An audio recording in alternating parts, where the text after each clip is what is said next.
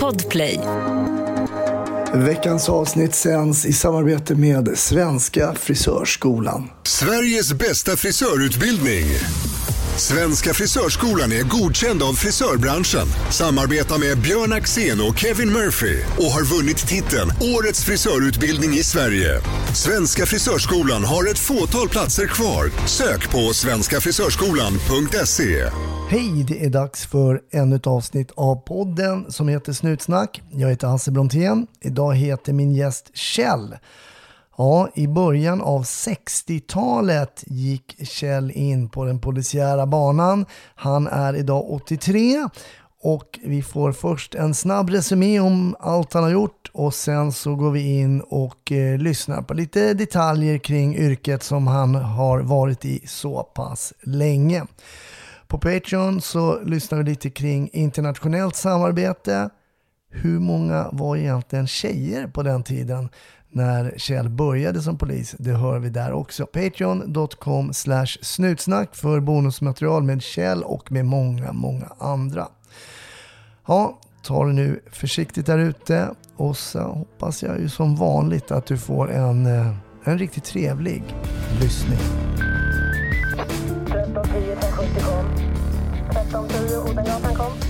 Ja, det är uppfattat. Vi tar det. Slut.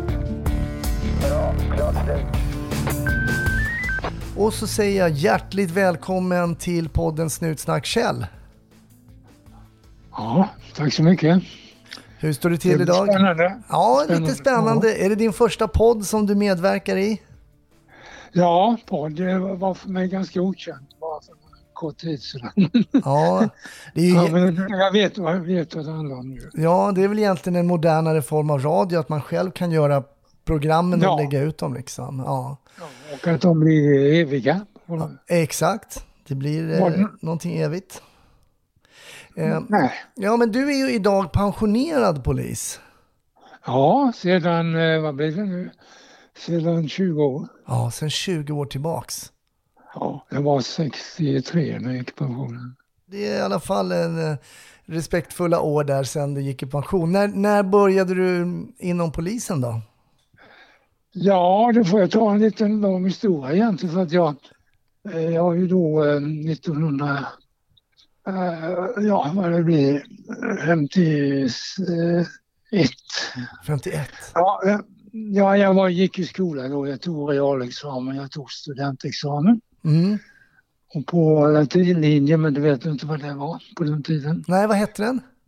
Latinlinjen, men det var språkligt inre, Ah. inriktat bara. Just det. Jag läste latin och tre övriga främmande språk. Mm. Ja. Så jag har lite kunskaper där också. Det har visat sig att jag har nytt, haft mycket nytta av dem sedan. Ja. Ja. Och eh, så letade jag efter välja bana. Kunde inte komma på något speciellt. Lutade väl egentligen skulle blivit jurist. Det var nog tanken från början. ja. Så kom jag på att det där kommer nog kosta en massa studieskulder. Exakt. Även om jag skulle kunna klara det.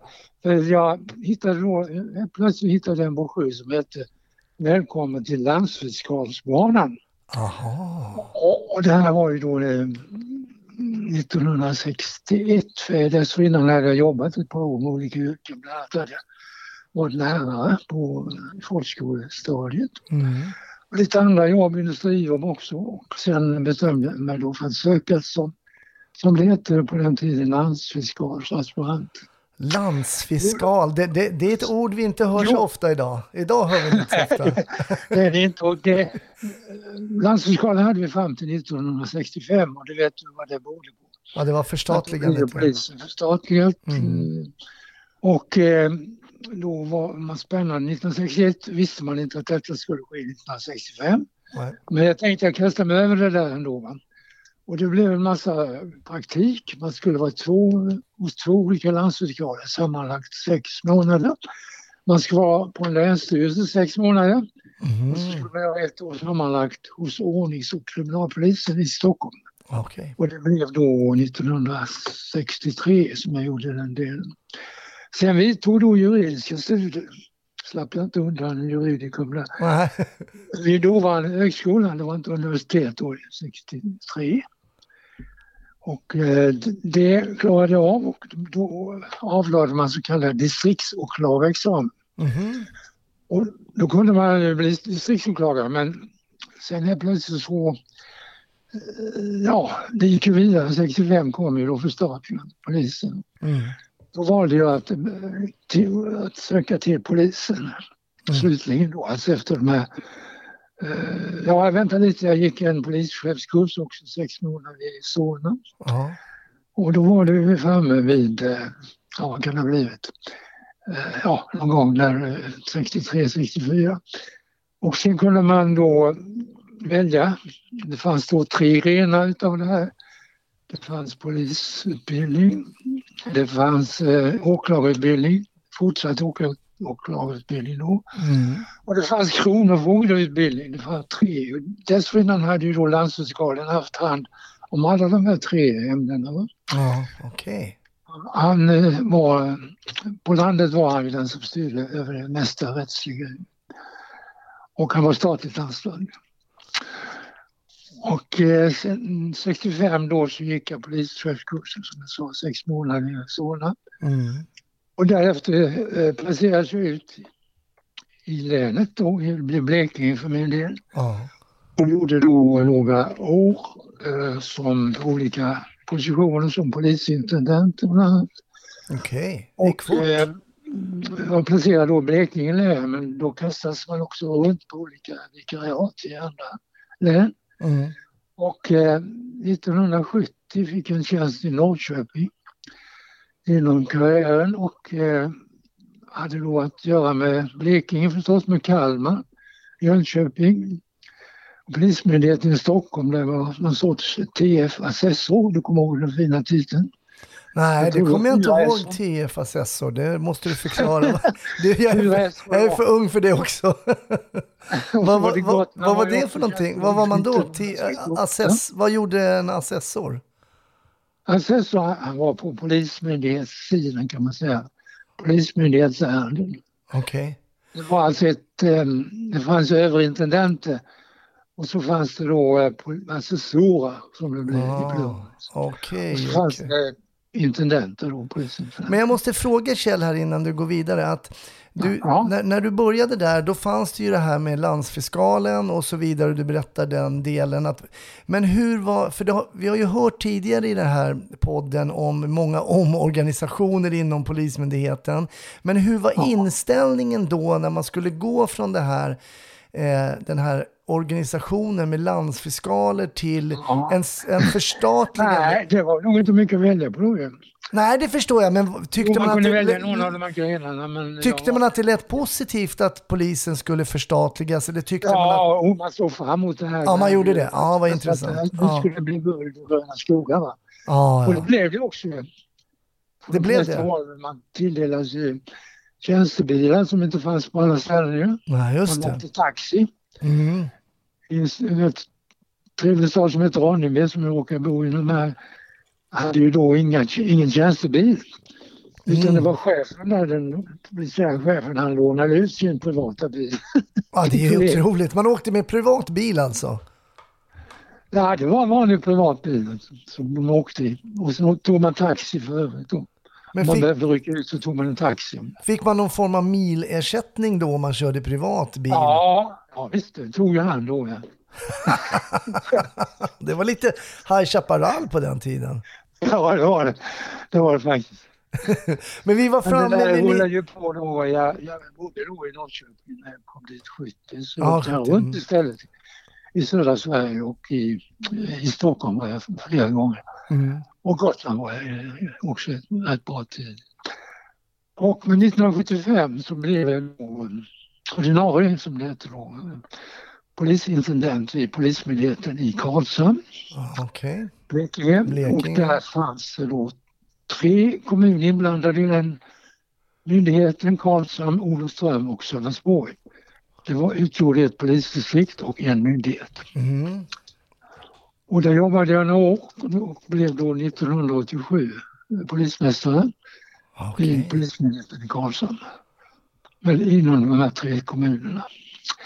Och då kan jag väl bara nämna parentetiskt att det blev jag då i konkurrens med nio övriga sökande. Ja, det är bra, det är bra.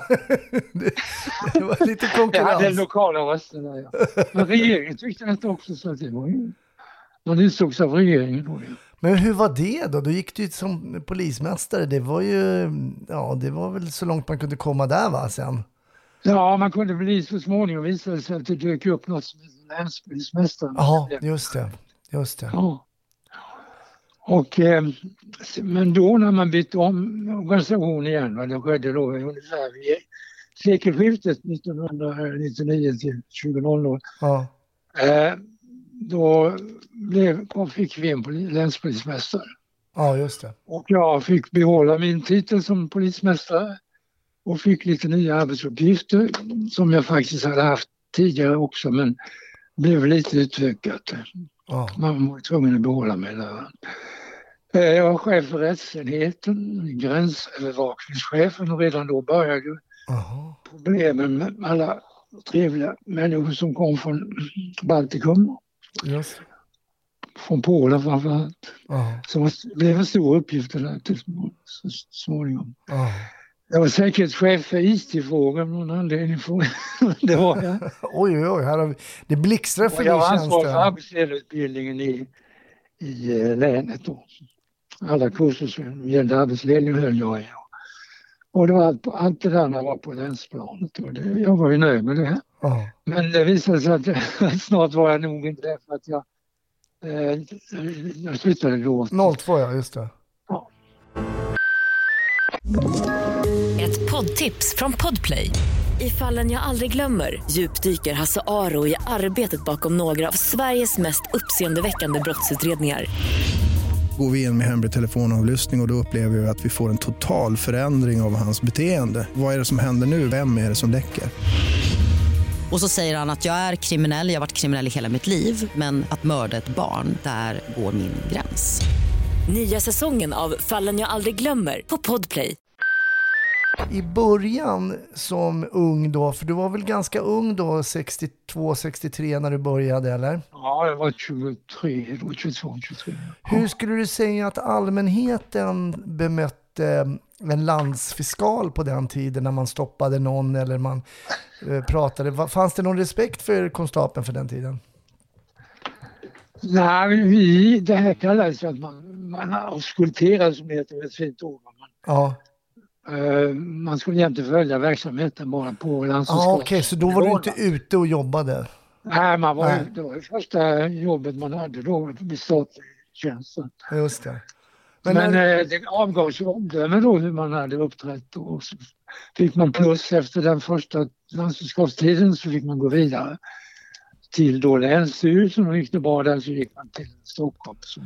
men, men sen när du, för du sökte ju till polisen sen, du kunde ha valt kronofogden eller åklagaren. Ja, åklagare var... Men vad var din, din första tjänst som polis? Vad var det då?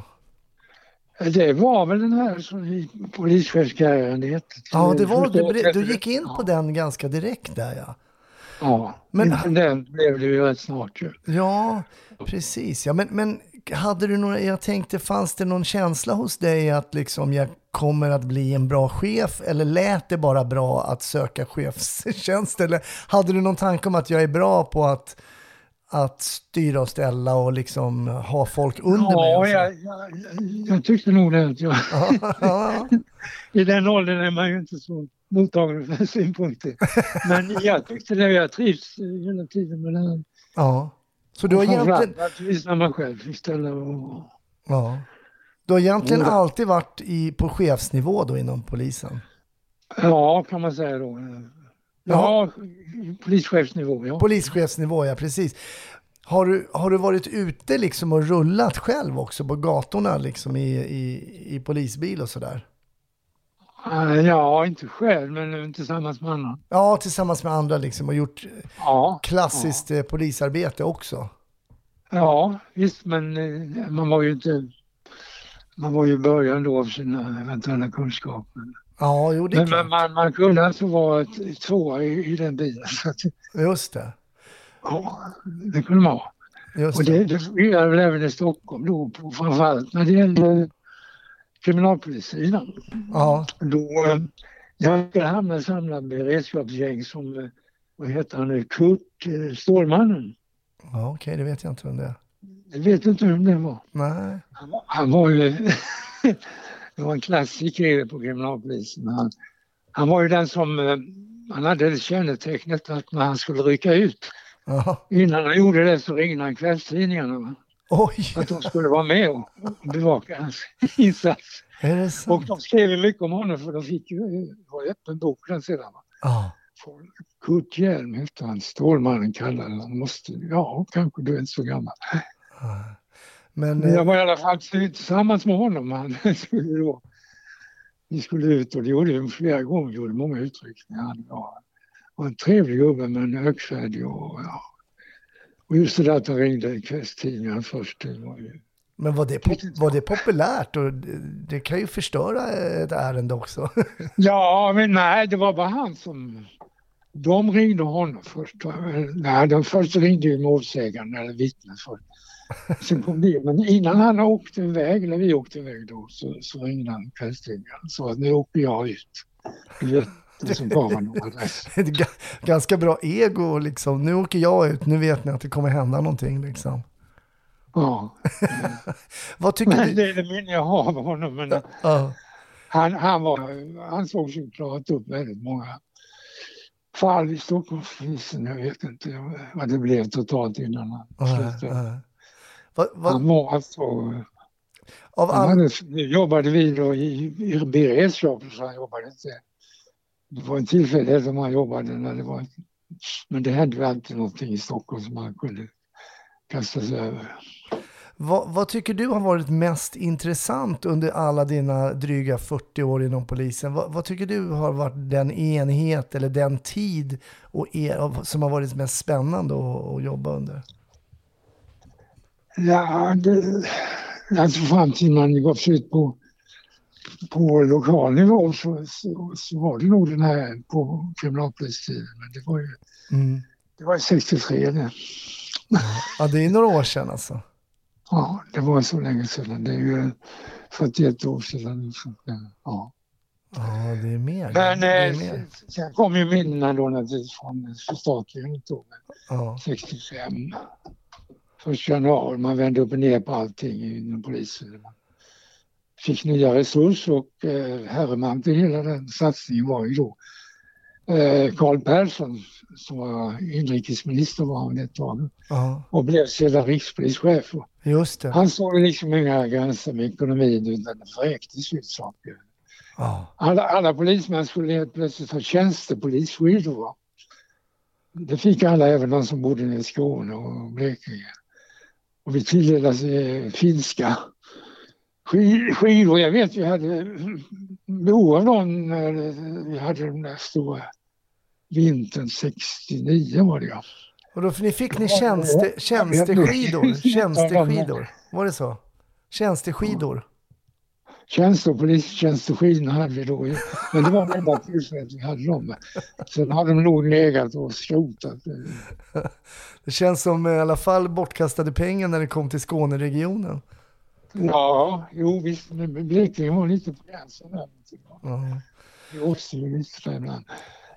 Nej, det, det där var ju en spännande tid och eh, som sagt var det fanns tjänstebilar till hur många som helst. Ja, det blev ju tjusigt där med svartvita bilar och det var ju Valiant och alla möjliga. eh, Ja, ja. Varianten var ju väldigt populär. Det tyckte de flesta polismän om. Ju. Ja, det var väl en sexcylindrig motor i den va? Den var väl lite större?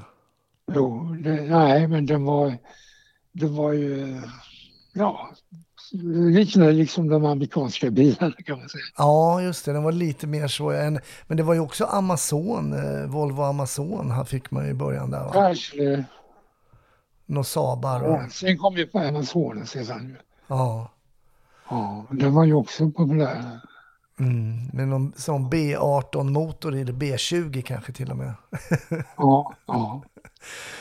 Ja, Men men den rymde inte så mycket, den var ju inte så bra för att transportera folk, men den var ju rätt så trång i baksätet. ja, just det. Ja. Den var rätt snygg. Mm. Snygg bil alltså, var det. Ja. Men- Mm. Men jag tänker, det, det har ju gått, och det, man tittar på det spannet där du har varit anställd då, vi säger början på 60-talet, 61 om vi börjar re, redan med det här landsfiskalsansökan och sen slutar du då 2002. Det måste ju ha skett där en oerhörd, den, eller det måste ha skett, det var ju så att det skedde en oerhörd teknisk utveckling, den är ju helt gigantisk egentligen. Ja. Om man tittar på vad ni inte hade 61 och vad ni hade 02. Ja, ja, det var ju natt och dag. Ja. Vad skulle du ju- säga har varit det mest, ehm, det, det, en av de, de, någon viktig faktor liksom för Polismyndigheten som hände under de här åren som du var med? Är det någonting du skulle kunna peka på som var väldigt viktigt? Det är väl, eh, det är väl datorutvecklingen, alltså den Ja. tekniska utvecklingen där. Och det började rätt tidigt för polisen del. Alltså, vi hade ju vi hade ju ett telefax, men det fungerade bara ett tag. Men, men sen kom ju det här och vi var tidigt ute. Jag vet, jag hade min, jag kommer inte ihåg vilket år, men jag skaffade mig en sådan dator rätt tidigt. Ja, Naturligtvis nummer ett i, i myndigheten hade ju den möjligheten att köpa först. Jag tror det kostade en 40 000 en dator på den tiden. Ja det var, jag kommer ihåg, är det 100 000 nu. vi fick Men ju, nu kan man köpa den för fem. ju. Ja. man fick ju erbjudande från myndigheten att köpa datorer då. Det, fick, det kommer jag ihåg då. Det var ju i alla fall i, i början, början en 90 smartköp, då ja. också. Ja. Och det var många som eh, nyttjade sig av det. ja. Men det var ju, den här, den var ju nästan en meter hög, den här boken man skulle ha jämte sig. För det är ändå, den jag började ju polisutbildningen 1988 och det var ju ganska lång tid efter det som vi fortfarande faktiskt satt och knackade på skrivmaskiner när vi hade gripit folk och sådär och det var ju många Ja, ja. kopior som skulle rivas. ja, det var, ja, sen skulle vara ordning. Det skulle tryckas igenom fem kopior, som man kunde säga.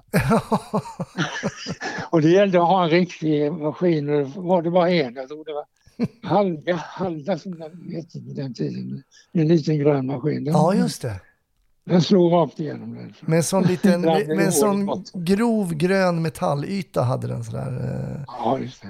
Men jag måste fråga dig Kjell, om jag, om jag frågar dig om ett minne från din polisiära karriär, vad, vad, vad är det som sticker ut mest då hos dig? Jag vill inte ta något som innehåller våld här eller som, är, Nej. som har stått i tidningen och man kommer lätt in på namn och så vidare.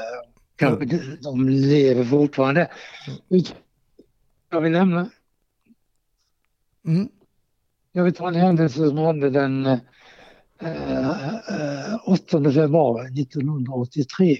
Okej. Det handlar om en polsk helikopter som landade på Tärnö i Karlshamns skärgård.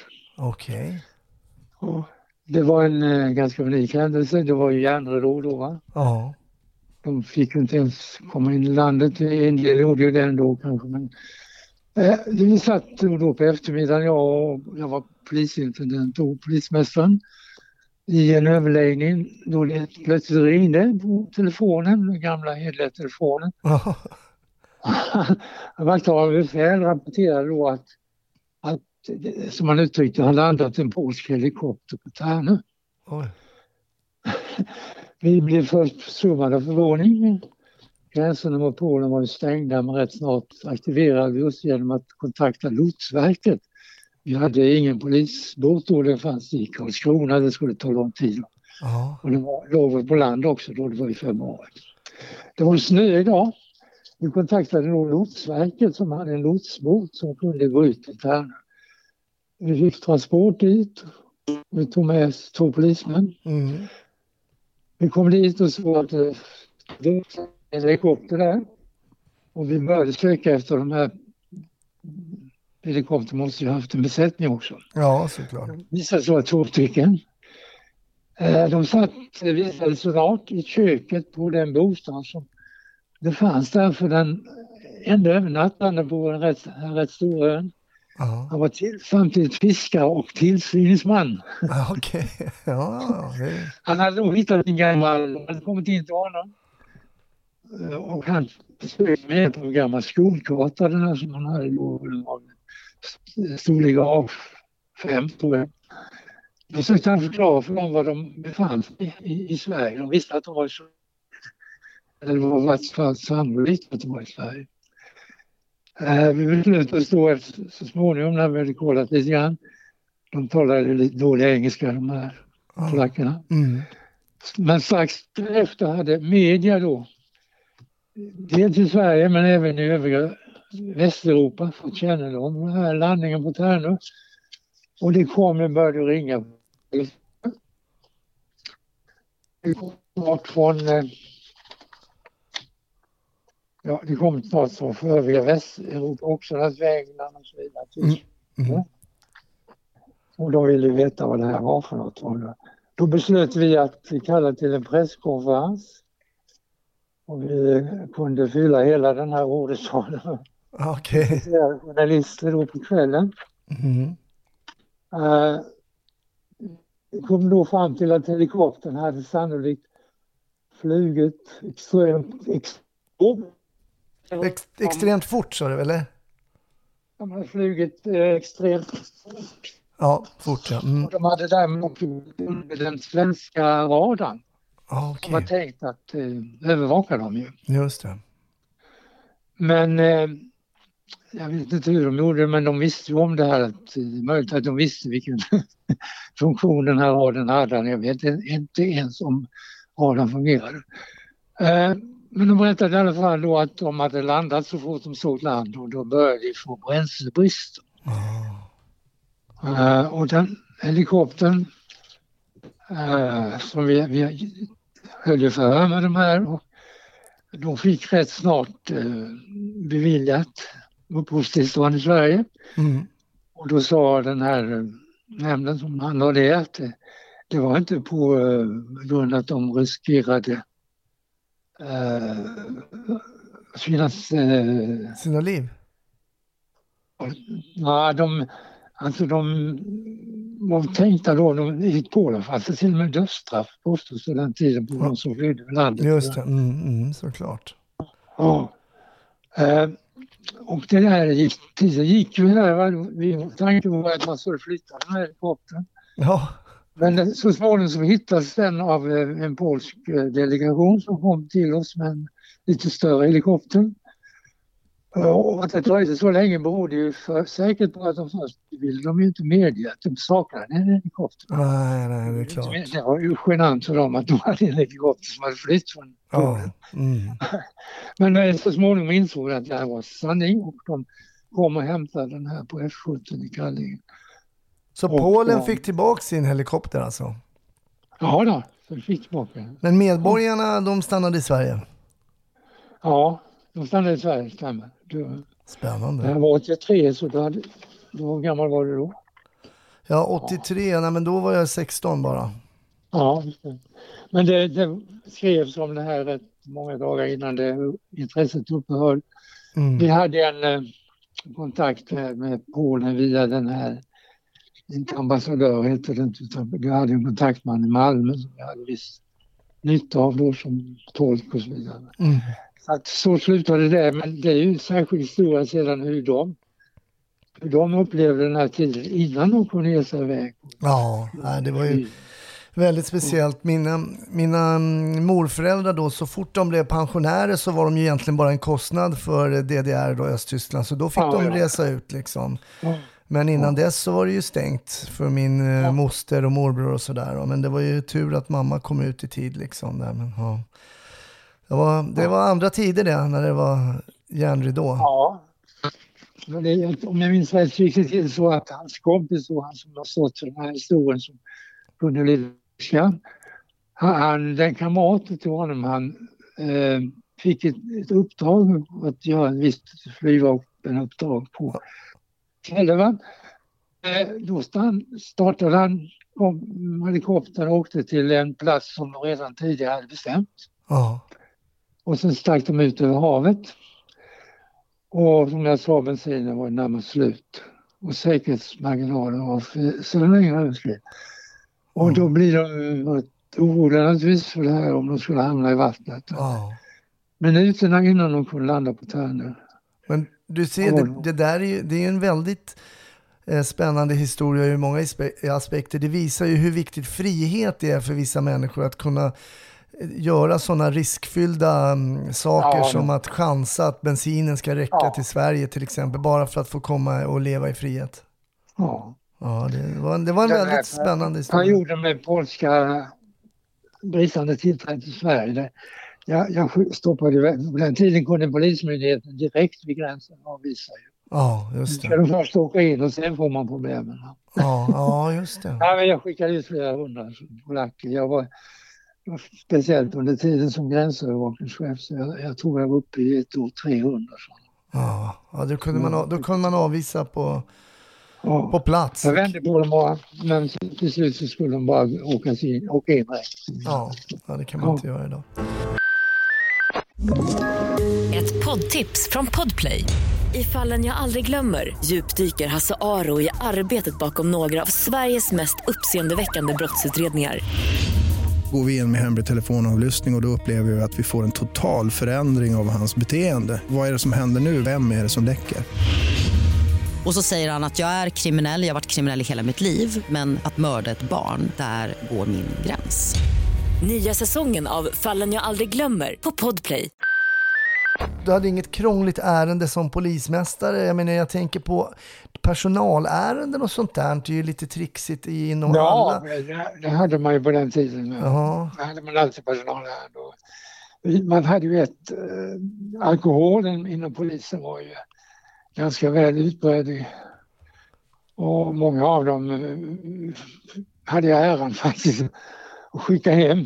Ja. Alltså, de fick ju beslut, från, inte från min sida, men jag föreslog i vart fall till Länsstyrelsen var det väl då, att den, den personen borde avskedas på grund av sina alkoholmissbruk. Ja. Det, det fick man ju inte erkänt naturligtvis av individen utan eh, han nekade ju till allt sådant men man, man kunde ju med vittnen och så vidare beslå honom med osanningar där och eh, jag tror att jag på det sättet eh, på ganska kort tid gjorde mig av med mm, tre polismän och två civilanställda. Jaha. Och eh, sen fanns det naturligtvis andra som hade problem men inte så uppenbart. Som, eh, och det var ju rätt mycket för vår personalstyrka var ju då cirka 100 polismän och 35 civilanställda. Ja. Ja. Ja. Men eh, det där var ett jätteproblem och man gjorde ju hembesök och sådant. Men mm. de hade alltid städat efter sig när man kom, eller före sig. Ja, Före okej. mig hade de städat och gjort i ordning. Så att de kunde inte se att de hade några problem. Men det var ju... Men det var ju på, pågick ju flera år det där så att det var ju en lång process att bli av med. Idag tänker jag att man ser väldigt annorlunda på det här med anställda Ja. med alkoholproblem. Att man ser det mer som en sjukdom och man försöker vårda tillbaks dem liksom till ett Ja. mer alkoholfritt liv. Ja, men det är därför att individen vet att det är hans chans. Ja. eh, någon som inte förstod det här var ju dumma. Va? Men dessförinnan gick man inte den vägen utan man försökte bevisa för dem att de hade problem. På Ja. egen hand. Ja. Men jag tänker att det var ju andra tider, att man, man, man kan ju lätt ta till eh, alkohol till exempel när det är tufft, antingen hemma eller på jobbet och det kan ju döva både liksom upplevelser och, och ångest och allt vad det nu är. Jag är själv ingen stor nyttjare av alkohol, men, men jag tänker att nu för tiden pratar man ju mycket mer om det som händer, att om man har varit med om något traumatiskt, låt sä- säga allt från en trafikolycka till avlidna människor som har råkat ut både för mord och andra saker, att man liksom pratar ut om att man kanske förr, förr i tiden, låt, det här kan vara fördomsfullt av mig, men då kanske man gick snabbare på flaskan. Jag vet inte om det är bara fördom eller? Det kan ha funnits sådana. Mm. Men man hade inga debriefings efter sådana händelser på den tiden. Nej, man hade ingen debriefing. Man, man åkte hem direkt efter för att göra ett upptag. Sen. Ja. Och det kanske det här låg belastade människor. Men nu, numera så har man ju en debriefing. Ja. finns ju, fanns ju då när jag, innan jag slutade fanns det flera som inte ville ha den här sammankomsten som det var att uh, debriefa händelserna. Nej, Till precis. exempel vid en eh, trafikolycka vi hade med fyra där, det var ensam. De körde direkt hem, det var på natten. Och ville inte prata om det mer. Nej. Men jag, Idag tror jag att det är obligatoriskt, alltså du får ju lön. Det är obligatoriskt Ja. nu, ja. Ja. Har blivit rätt. Men det har ju följt utvecklingen Ja. i övrigt. Men det var intressant för jag pratade med en gäst som var på debriefing och han kände att det var en händelse då som han behövde inte gå på debriefing menade. Han hade varit med om det här många gånger tidigare och så vidare. Och så vidare.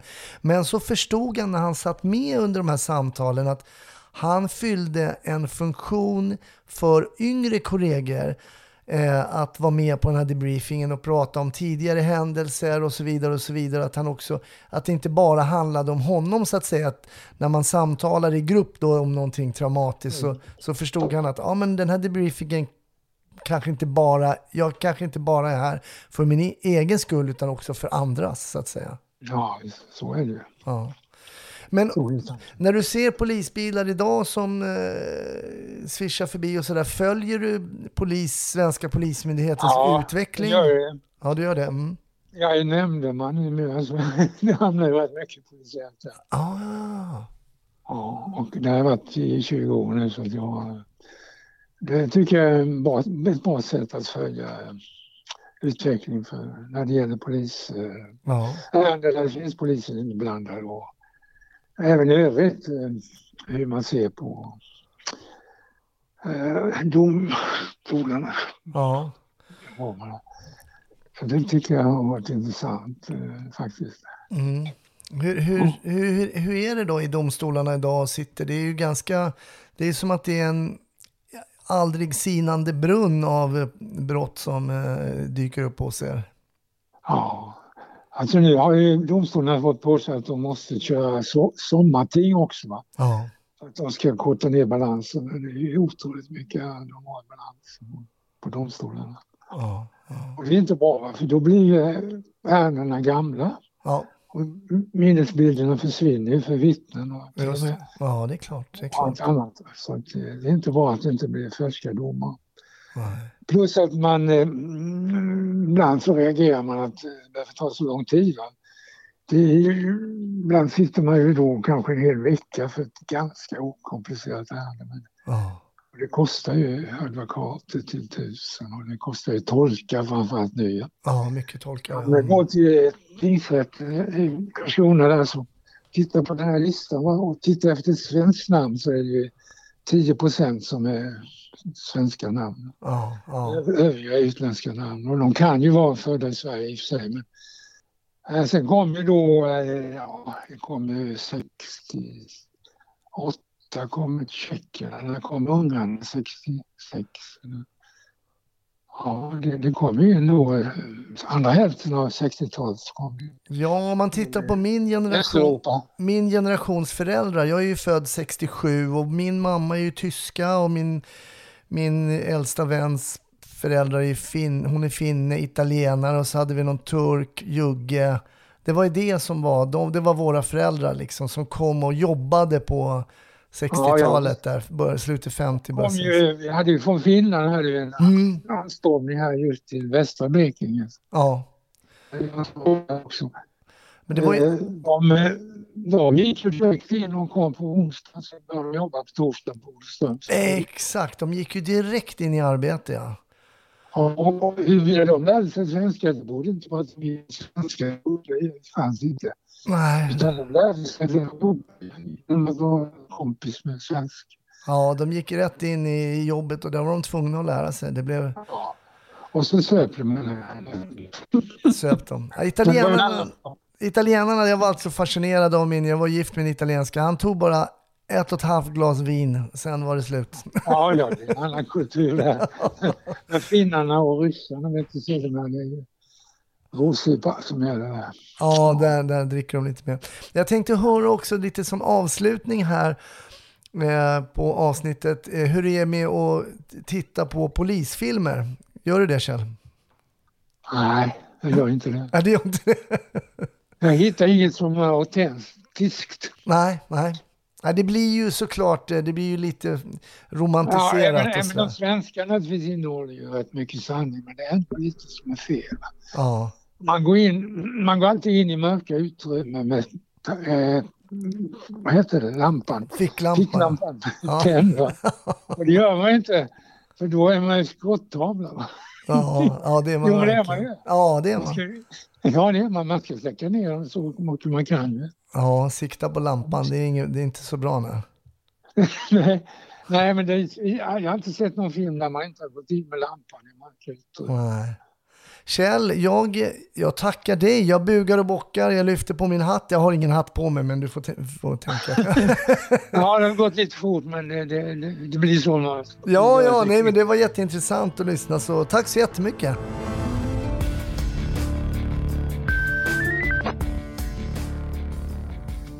Stort tack! Nu är veckans avsnitt till ända.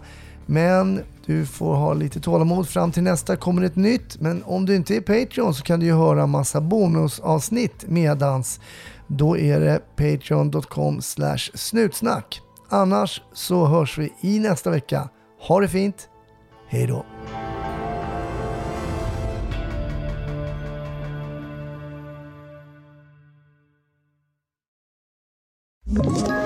Ett poddtips från Podplay.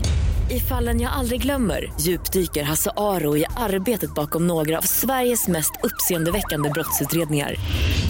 Går vi in med hemlig telefonavlyssning och, och då upplever vi att vi får en total förändring av hans beteende. Vad är det som händer nu? Vem är det som läcker?